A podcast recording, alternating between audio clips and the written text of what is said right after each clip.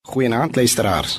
Ek hou vir u voor Handelinge hoofstuk 15. Handelinge 15 vers 36 sê 'n tydjie later het Paulus vir Barnabas gesê: "Kom ons gaan kyk hoe gaan dit met die gelowiges in al die stede waar ons die woord van die Here verkondig het." Vers 37. Barnabas wou vir Johannes, wat ook Markus genoem word, met hulle saamneem.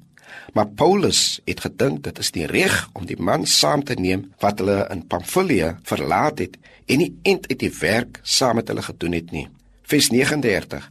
Hieroor het hulle so skerp van mekaar verskil dat hulle van mekaar geskei het en Paulus neem vir Silas in plaas van vir Markus saam. Hierdie voorval bring baie hartseer.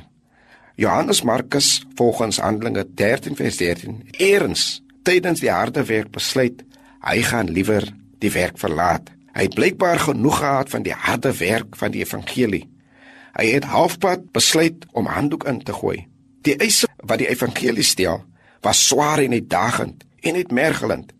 Dat 'n mens so baie moet verdra en dat hy soms die minste moet wees te wille van jou getuienis in die evangelie, was vir hom eens te veel.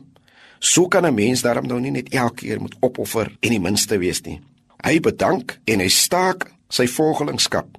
Die klemme en aansien van die posisie was verby en die harde werk van Christendom wat soms so uitdagend was, het hy net eenvoudig nie meer voor kans gesien nie. Hierom verloop Paulus vertroue in hom en vra Paulus dat hy nie ingesluit moet word in hierdie groep wat weer verder evangelie moet gaan bedien nie.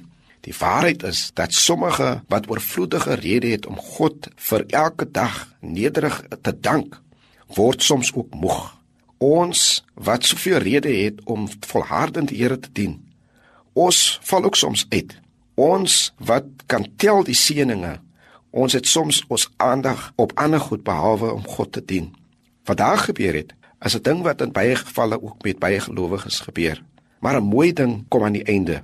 Paulus laat roep vir Markus en hy vra dat hy vrede moet sluit saam met hom en hulle maak vrede aan die einde van sy lewe en Markus is die een wat vir hom help in sy laaste dae.